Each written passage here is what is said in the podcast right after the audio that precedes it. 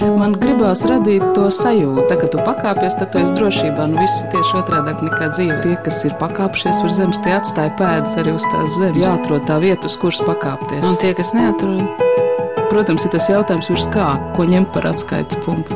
augstāk par zemi. Augstāk par zemi. Augstāk par zemi. Esiet sveicināti! Šobrīd un vēl līdz 16. oktobrim Laikmatīgās kultūras centrā Kim Rīgā skatām jauno mēdīju kultūras centra Riks C igadējā mākslas un kultūras festivāla, kur tēma šogad formulēta kā trauslā realitāte - izstāde. Oktobrī gaidām arī konference. Taču kas ir jaunie mēdīji? Kāda bijusi šīs mākslas jomas attīstība kopš pagājušā gadsimta 90. Latvijā? Šodienas raidījumā saruna ar mākslinieku un arī pasniedzēju vairākās augstskolās Raiti Šmitu. Nesen iznākusī grāmata Jauno mēdīju māksla, reprezentācija un saglabāšana ir viņa piedāvājums tikt skaidrībā gan ar terminoloģiju, gan sasaistīt jauno mākslu ar mākslas vēstures tradīciju. Grāmatas jauno mēdīju māksla, reprezentācija un saglabāšana pamatā ir Aita Šmita Latvijas Mākslas akadēmijā aizstāvētā disertācija. Līdz ar to rakstītā stilam piemīt zinātnes valodas bezkaislīgums, taču kaislība piemīt grāmatā pieminēto mākslas projektu vēstījumam. Sevišķi interesanti man šķiet grāmatā izklāstītā jauno mēdīju mākslas vēsture Latvijā un daudz notikumu rosinātājs un kurators ir bijis arī grāmatas autors pats.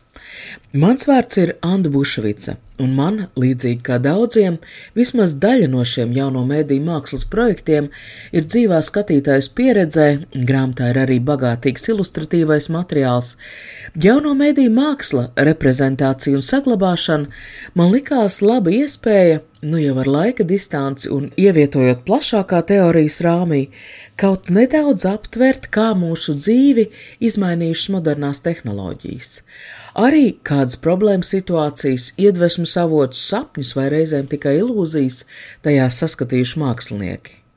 Nu jau 22 gadus pastāvošā kultūras centra, mākslas galerijas un mākslinieku kopības Riks C dibinātāji Raits un Rasa Šmiti ir mākslinieku pāris, kuri ilglaicīgi konsekventi iet savu ceļu jauno mēdīju mākslas darbu radīšanā, zināšanu tālāk nodošanā, abu darbošanās mērogi ir tik daudzveidīgi un plaši, ka sarunas iesākumā es lūdzu Raitu Šmitu konkretizēt, kas viņa profesionālajā darbībā viņam pašam šķiet aktuālākais tieši šobrīd?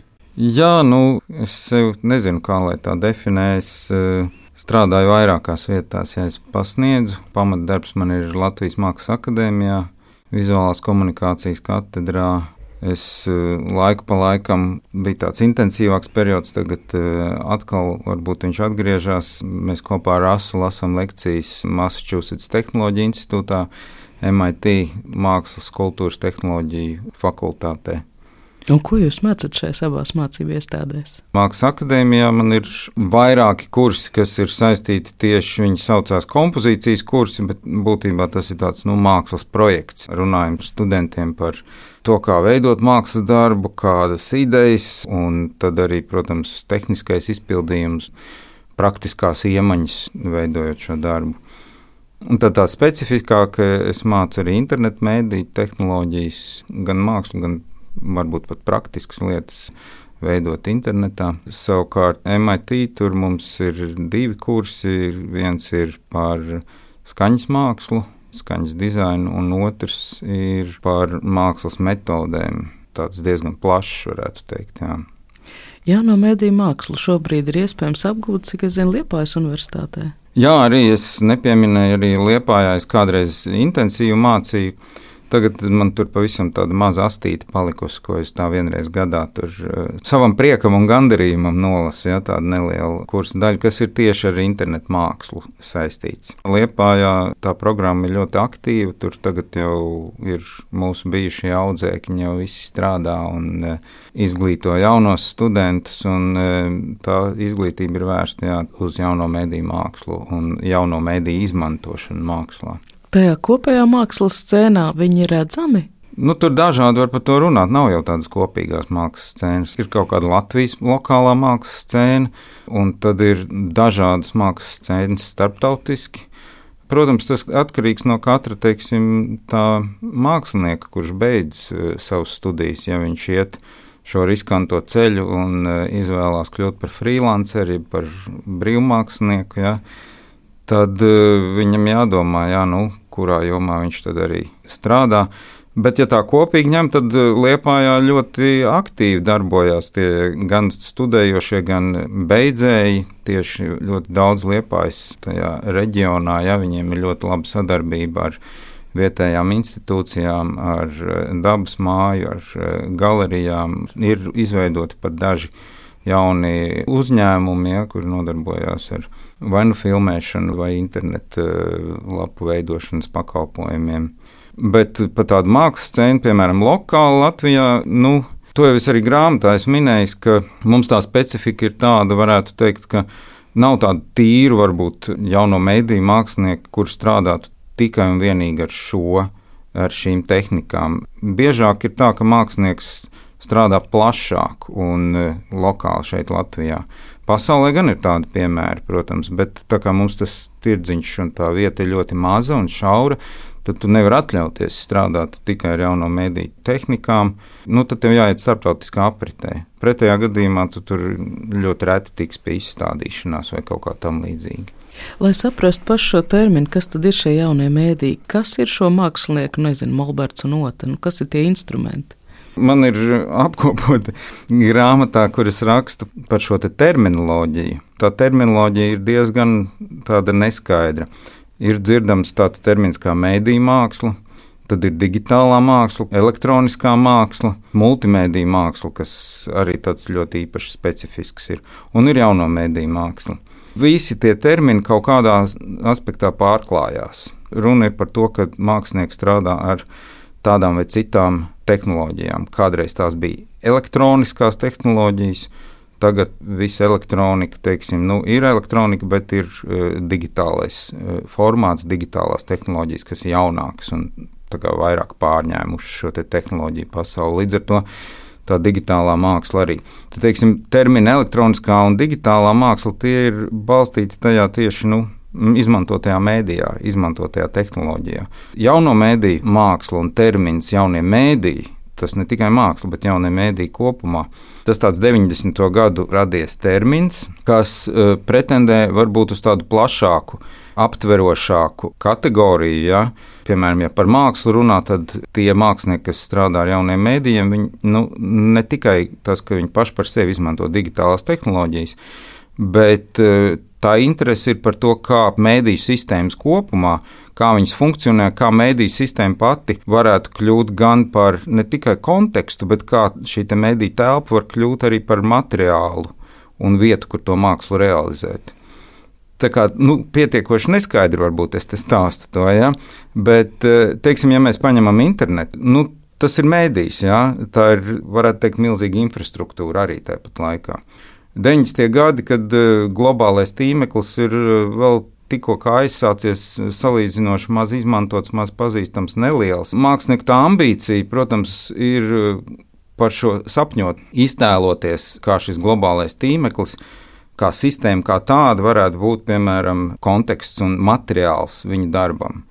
Un tas arī šodien ir nu, tādā pavisam vienkāršotākā veidā. Tiek ņemti dati no interneta, mainīgie dati, kurus visu laiku cilvēki sagādā, lietojot internetu sākot no Instagram bildēm, beidzot ar tvītiem.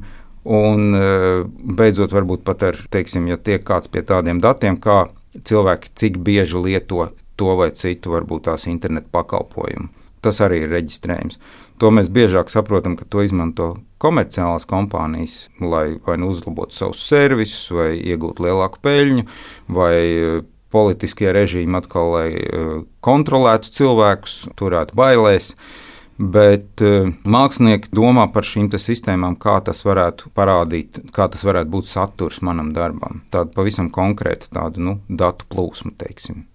Šīs grāmatas pirmajās nodaļās jūs arī nu, skaidrojat to, ka faktiski vēl pirms dzimta šīs tehnoloģijas, ka faktiski viss sākās ar um, kaut kādu izmaiņu domāšanā. Nu jā, modernismā, tālāk jau konceptuālajā mākslā, īpaši 60. gadu beigās, ir raksturīga tā tendence par atteikšanos no materiāla, par domas izcelšanu pāri materiālam izpildījumam. Un tas tajā laikā radīja pamatus varbūt konceptuālajai mākslai. Bet tālāk, 90. gados jau faktiski šis digitālais mēdījis, kas ir datortehnoloģijas apvienojumā ar internetu, ar datortīkliem, tādā savā izpausmē redzamajā, viņš ir absolūti nemateriāls. Kaut arī, protams, tur apakšā ir kabeļi, datori, elektrostacijas, kas tam visam ražo strāvu un tā tālāk. Tas ir skaudri materiāls. Bet tā gala izpausme, tas e, cilvēka teiksim, nu, saņemtais produkts, viņš ir pilnīgi nemateriāls. Nu, ja neskaita to ierīci, ar ko mēs to uztveram vai skatāmies. Ja. Līdz ar to tas e, arī var būt kaut kādā veidā šī konceptuālisma izdeja par nemateriālo mākslu. Viņa dabiski pārmantojās arī jauno mediju mākslā, jo faktiski kaut kādā veidā šis medijs pats jau piedāvāja to imaterialitāti, materialitātes nesamību. Tas uz to 90. gadu varbūt periodu vairāk attiecināms. Tātad šo jauno mēdīju mākslu Latvijā mēs varam datēt ar 90.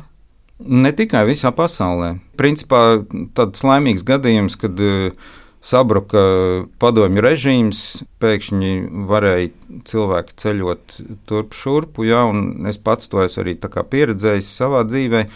Un vienlaikus radās arī globālais tīmeklis. Tas ir 90. gadu pats sākums. Internets jau, nu, tur divas lietas. Internets, datortīkls kā tāds, tas jau ir no 60. gadiem, bet tas bija pieejams tikai nu, ļoti specifiskās vietās, tur dažās universitātēs, eh, militāristiem, protams. Bet tad eh, globālais tīmeklis, ko mēs zinām, kā pārlūku programma, būtībā tas gala lietotāja produkts, ko mēs redzam, ir pārlūku programma datorā. Tas ir tas globālā tīmekļa manifestējums, kur ir principā viens standarts, lai mēs varētu izmantot pārlūku programmās, skatīties vienu un to pašu saturu, neatkarīgi kāds mums ir dators, telefons šodien, vai planšete, vai vēl kaut kas cits. Un tas 90. gados sākās. Timbers Līja būtībā savā cernā, toreiz strādājot ar saviem kolēģiem, ieviesa šo visu. Un tas vienlaikus nu, notika, jā, no sabruka režīms, komunistiskais, atvērās robežas un kļuva pieejams arī šis globālais tīmeklis. Jā.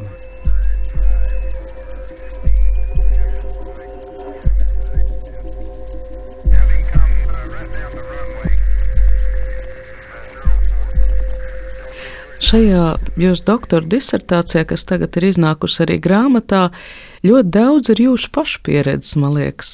Nu, jā, tā varētu būt, jā, jo nu, tas arī bija tas materiāls.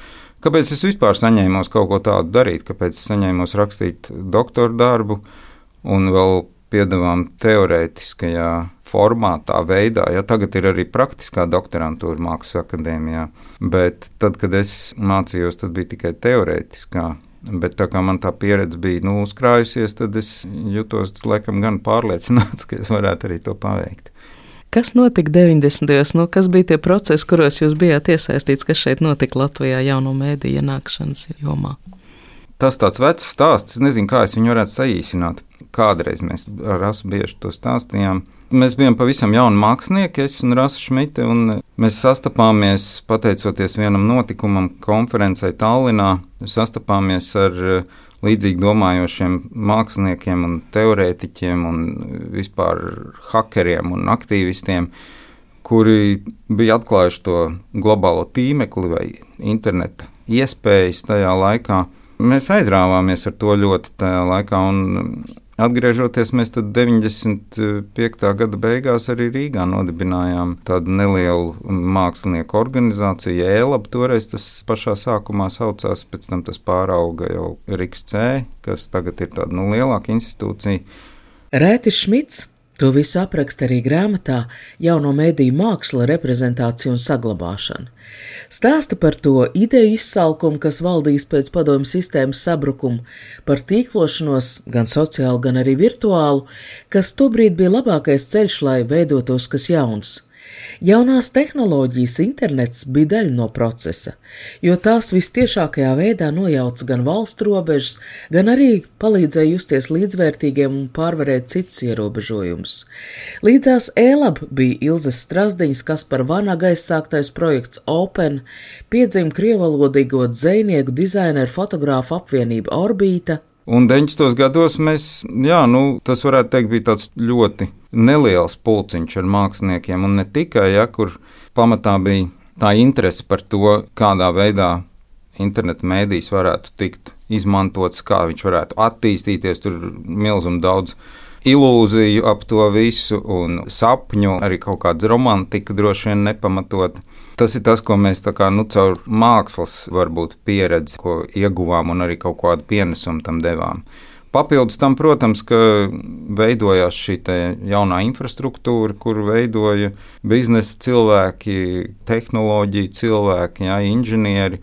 Un tur ārkārtīgi pragmatisks tas redzējums, protams, bija. Bet mēs to tā kaut kā īpaši neņēmām vērā, droši vien, jo mēs bijām aizrāvušies tikai ar to potenciālu, ko tas varētu dot humanitārajā jomā un mākslā arī.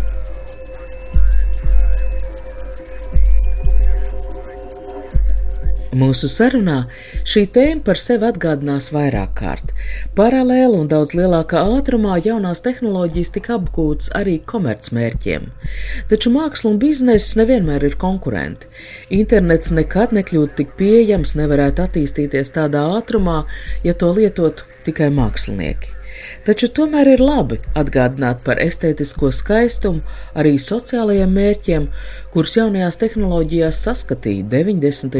un joprojām saskata mākslinieki. Ilūzijas, ja es pieminēju ilūzijas, tad, piemēram, viena no tādām klajākajām ilūzijām bija, kurai patiesībā vēl joprojām varētu būt arī, viņa varētu būt arī spēkā, to, ka internets varētu būt pieejams par brīvu visiem. Nu, varbūt, teiksim, visiem tas ir tāds neskaidrs jēdziens, bet tur, kur viņš ir pieejams, ka viņš varētu būt brīvi pieejams. Tas nenotika, protams. Ārkārtīgi dārgs bija patiesībā internets sākotnēji. Tagad tas arī ir dārgs, ja mēs izmantojam mobilās tehnoloģijas. Nu, tas ir ļoti labs peļņas avots. Tur, teiksim, tā otra puse, kas ir uz biznesa orientēta, viņa ārkārtīgi cilvēku ātri aprēķināt mācēja cik daudz var iegūt peļņu. Ja, protams, vēl ir lieta, ka tev ir jāražo šīs tehnoloģijas un jāatjauno, bet tas arī ir peļņas avots. Tā kā tur ir divas tādas puses, ir šī vīzija puse, tā varbūt tā ir teiksim, nu, tāda marksistiskā kaut kāda teorija, vispār kaut kāda tāda. Nu, Sociālistiskā teorija, ka uh, tam vajadzētu būt, ja ne brīvi pieejama, tad, tad par simbolisku samaksu. Jo principā tādā ideālistiskā uzstādījumā tas būtu iespējams. Tā kā tie faktori ir tirgus noteikti, un tirgu ir ārkārtīgi daudz spēlētāju, un tas ir atkal nu, pierādījies praksē, ka šīs te ideālistiskās teorijas nestrādā. Ja mēs uzceļam kaut kādus ārprātīgus režīmus, ja mēs mēģinām to ieviest sabiedrībā šos ideālismus. Tad mēs paši esam tam gājuši cauri. Tur tagad vēl ir dažas valsts, kas e, mēģina ideālus ieviest. Tad mēs nekur labāk neesam tālāk tikuši par tirgus ekonomiku, ja kur tirgus mēģina kaut kādā veidā izlīdzsvarot visas mūsu kaislības, alkatības, morāli un labo gribu un visu to milzīgo kokteili kopā. Nu, tas pats attiecās droši vien arī uz internetu patērēšanu, bet uh, mēs bijām jauni un aizraujušies. Mēs pat uh, piedalījāmies, bija ārkārtīgi daudz tādas mākslinieku, aktīvistu, hakeru pašu iniciatīvas. Ļoti labs mākslinieks arī e, Marko Peļhans, piemēram, ar ko mēs daudz sadarbojāmies. Viņš ir no Slovenijas, tagad viņš strādā ASV jau ilgāku laiku. Tā kā viņam pašam ir tāda tehnoloģiskā pieredze arī un izglītība, tad viņš bija pat izstrādājis tehnoloģijas, kuras varētu uzstādīt, kas nodrošinātu interneta tīkla pārklājumu. Un tad e, šis tīkls eksistētu tikai par tādu samaksu, lai varētu uzturēt to tehnoloģiju darbībā. Bezpeļņas tāds projekts, kurš nenotika, protams, reāli.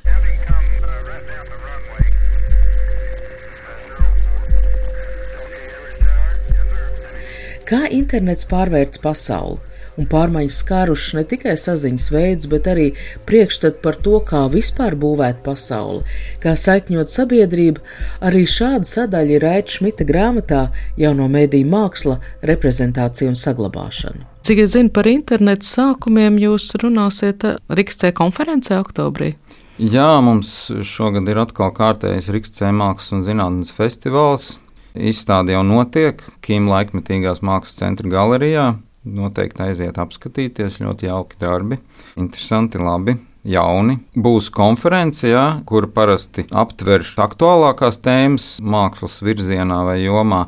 Daudz tiks runāts par mašīnu mācīšanās algoritmiem un mākslu, par mākslīgo intelektu un mākslu, par tiem nu, pašiem aktuālākajiem jautājumiem šobrīd. Un tad būs arī atskats nedaudz pagātnē. Mēs esam uzaicinājuši Andrejas Brukmenu, teorētiķu no Vācijas, kurš bija viens no 90. gadu tādiem aktīvākiem teorētiķiem tieši kontekstualizējot internetu pielietojumu mākslā un kultūrā plašāk. Bija daudz tādu tīklu, ja bija piemēram kiberfeministu tīkls, kur sievietes izveidoja, viņam bija sava vēstkopa, tad bija mūsu internetu rādio vēstkopa exchange, bija tāds visaptverošais, plašākais vēstkopa tīkls nettime. Bija arī īpaši Austrum Eiropai Andrējas Brukmena paša veidots vēstkopa tīkls, kas saucās Syndicate. Arī kaut kāda pašironija tajā visā savā ziņā. Nu, lūk, un Andrēs Brukmens būs Rīgā, un arī visi tādi laika 90. gadu aktīvākie cilvēki, ja, kas piedalījās šajā sindikēta tīklā, kas sākumā bija ļoti lielā mērā no Austrumēropas, jo tas bija jaunatklājums rietumiem. Tad vēlāk, protams, sindikēta pārvērtās par tādu visas Eiropas vēstkopu un tīklu, ja, un viens panelis konferencē būs tieši par to Tā konference būs gan Zoomā pieejama, gan arī mūsu Rīgstē galerijā, reālā vietā. Jā. Konferences programma jāmeklē jauno mēdīju kultūras centra Rīgstē mājaslapā. Grāmatā jauno mēdīju māksla ir sadaļa arī par mākslas darbu saglabāšanu. Taču, lai labāk varētu saprast, ar kādu veidu problēmām jauno mēdīju mākslas darbu saglabāšana saistās, man šķita liederīgi lūgt Raitam Šmitam vispirms aprakstīt kādu mākslas projektu. Un viens no plašāku publicitāti savulaik guvušajiem, kas aprakstīts arī šai grāmatā, ir 2003. gada darbs Piens. Jā, tas ir interesants piemērs arī grāmatas kontekstā. Tas ir uh, Rīgstē producēts. Man tur arī es esmu pats kaut kādā veidā piedalījies, veidojot uh, mājaslapas versiju šim projektam. Autors ir uh, Ieva Auziņa un Ester Polaka. Ieva Auziņa toreiz darbojās Rīgstē, Ester Polaka savukārt ir no Nīderlandes. Viņai uz to brīdi jau bija bijusi pieredze ar GPS izmantošanu, viņai bija cits projekts, Realtime Amsterdam.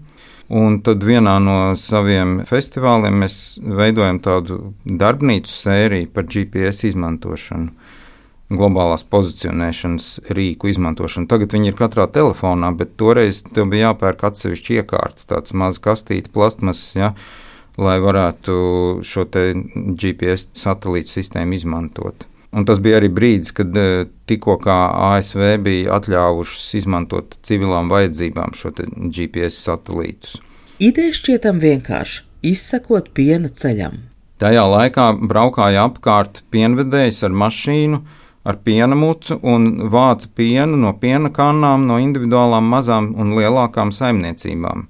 Tas gandrīz tā kā manā bērnībā. Tur ceļā galā katrs noliek savu piena kānu, atbrauc pienvedējs agri no rīta un savāc to pienu.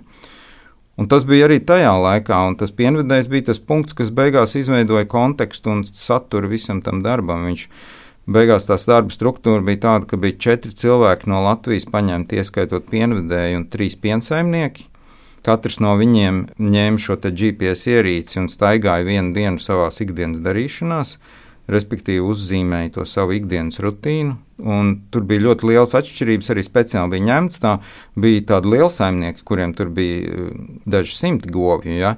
Un viņi, protams, pārvietojās daudz vairāk. Viņiem ir kaut kāds transporta līdzeklis, viņš tur aizbrauc ar savu transporta līdzekli. Līdz ar to tā karte sanāk diezgan liela pa to vidzemi. Un bija ļoti mazas saimniecības, teiksim, divas saimnieces, tādas dāmas, kurām bija tikai dažas govis. Un viņas pašas pēc tam arī smējās. Tā visa tā viņa kustēšanās tikai pa pagalmu vien, tikai pa pagalmu vien ir bijusi. Pienvedējs tad savāca šo pienu, aizved uz piensaimniecību Limbaģa piens. Un toreiz Limbaģa piens pēc itāļu receptes holandiešu tirgotājiem ražoja Rigamonta sieru. Brīnišķīgs, labs siers, tiešām parmezāna veidīgs siers. Tā kā tur bija tas holandiešu uzņēmējs, tad laimīgā kārtā esterēja par prieku. Tas siers tika eksportēts uz Holandiju arī. Viņš tika te tirgots, bet arī uz Holandu galvenokārt. Un tad tika ierakstīts vēl tas piena ceļš no Rīgas līdz uh, Nīderlandei, un Nīderlandē savukārt bija sieru izplatītāji, tirgotāji un patērētāji. Izveidojās tas darbs, kurš bija narratīvs stāsts par konkrētiem cilvēkiem un tematiku, kā viņi ir sasaistīti viens pat otru, pat nezinot un nedomājot par vienam par otru, izmantojot tik pragmatisku tehnoloģiju kā GPS. Sakiet, bet šajā jaunajā situācijā, kā vispār notiek mākslas tirgus, kas šādu darbu var nopirkt? Mākslas tirgus, protams, mainās līdzi ejot. Viņš vienmēr atpaliek, bet, eh, ja tas tirgus ir daudz maz brīvs, viņš arī sakārtos pats sevi. Šī gadījumā projekts Piens ir Latvijas laikmatīgā mākslas muzeja kolekcijā. Tur ir tikai viena versija no tā projekta, tīmekļa lapas versija. Un visa instalācija savukārt ir CKM eh, muzeja kolekcijā Vācijā, Karlsruhē. Tas projekts ir diezgan pašietverošs. Tur nav tā, ka tur eh, reāli laikā nāk kaut kādi dati no interneta vai cilvēku kaut kādas kopienas dod savu pienesumu. Tad ir sarežģītāk ar šādiem projektiem, bet viņš ir noslēgts. Būtībā tur viss ir skaidrs, kas tur ir. Ir datu kopums, ir datu vizualizācija, ir instalācijas elementi, izdrukas un ir weblapa tas viss ir pabeigts un gatavs. Problēma ir ar tā visa uzturēšanu pie dzīvības, jo tās tehnoloģijas noveco. Weblapa bija veidota eh, daļēji HTML, daļēji Adobe Flash tehnoloģijā, kura vairs nepastāv. Un neeksistē, un tāpēc viņa tika nodota restaurācijā. Viņu restaurēja arī Vācijā, un ZKM centrs savukārt restaurēja visu to instalāciju. Tā ir vēl viena jūsu darbības joma un arī mm, šīs grāmatas sadaļa. Jūs esat iesaistīts mm, šo darbu saglabāšanā. Daļēji man nav tāda zināšana šobrīd, tehnisko, jo tas ir ļoti pragmatiski. Tagad, teiksim, kā kaut vai flash tehnoloģijā veidot tos darbus. Cik es zinu, ir tikai eh, Vācijā ir izstrādāta tā tehnoloģija, un tikai CKM institūcija to visu dara. Viņi pat restaurē nu, ne tikai internetu darbus, bet arī video darbus, piemēram, Mums muzejam, CKM restaurē. Tas ir viens tāds ļoti nozīmīgs punkts, jā, nozīmīga vieta tieši šo jauno mediju, digitālās vai vispār mediju mākslas darbu restaurēšanā. Viņiem pašiem ir milzīga kolekcija. Tas ir tāds tehnisks darbs, kur faktiski vienīgais, kas no mākslinieka vai mākslas teorētiķa puses būtu jādod zināms, kādam viņam ir jāizskatās. Jo, protams, ka pārveidojot to darbu, jā, var sanākt, ka kaut kas pazūd vai kaut kas mainās. Te ir, ir dažādi aspekti un dažādas nianses, par ko dažādi mākslinieki uzskata, teiksim, citi uzskata, ka viņa agrīnie darbi ir jāskatās tikai uz tā laika pārlūku programmām, kurām ir specifiska izšķirtspēja, kas ļoti mazs. Maza izšķirtspēja, specifiska krāsu tabula, ja, kas arī ir maza Arī ātrums ir atšķirīgs. Tajā laikā varbūt notika lēnāk nekā ar lielākām datoru jaudām šodien. Tās tādas nianses, kur vienkārši, nu, kamēr mākslinieki ir pieejami, tikmēr viņi varbūt kaut kādas vadlīnijas tajā dod. Tad, kad tas vairs nav pieejams no pirmavotiem, nu, tad uh, nākās to interpretēt vienkārši, un tas pamainīsies, protams, ar laiku. Tur neko nevar darīt. Vai muzeji tiek galā ar šo jauno situāciju? Nu, līdz šim tie bija muzeji, kas uzkrāja šādu veidu mākslu. Netiek galā. Absolūti netiek galā. Ne tikai Latvijā, daudz kur netiek galā. Ir tikai daži tādi piemēri, jo tā ir tāda specifika, kur ir vajadzīga arī jaunas prasmes cilvēkiem, kas tur strādā. Un nepavēlti CKM eh, restaurē, teiksim, momai darbus, jā, jo arī nu, tādus resursus dabūt, lai to visu varētu restaurēt un atjaunot pēc laika, un pēc laika atkal, ja, nav visiem muzejiem pa spēkam. Tāpēc es domāju, ka ļoti daudz aizies zudībā, ļoti daudz pazudīs no tā visa, un e, saglabāsies tikai tie, kas tiks atjaunoti, restaurēti. Ir tur dažādas tās metodas, kā to var darīt. Ja. Nu, tas jau, man liekas, nav nekas jauns. Tas visā mākslā droši vien, ja sāktu skaitīt, cik daudz tur gleznas ir pazudušas, tad uh, arī būtu diezgan liels cipars. Ar grāmatas jauno mēdīju mākslu, reprezentāciju un saglabāšanu autoru mākslinieku Raitu Šmitu sarunājās Anna Bušvica, šī rēdījuma skaņoperators Valdis Raitums. Iespēja iepazīt nesen radītus jauno mēdīju mākslas darbus vēl līdz 16. oktobrim Laikmatīgās kultūras centrā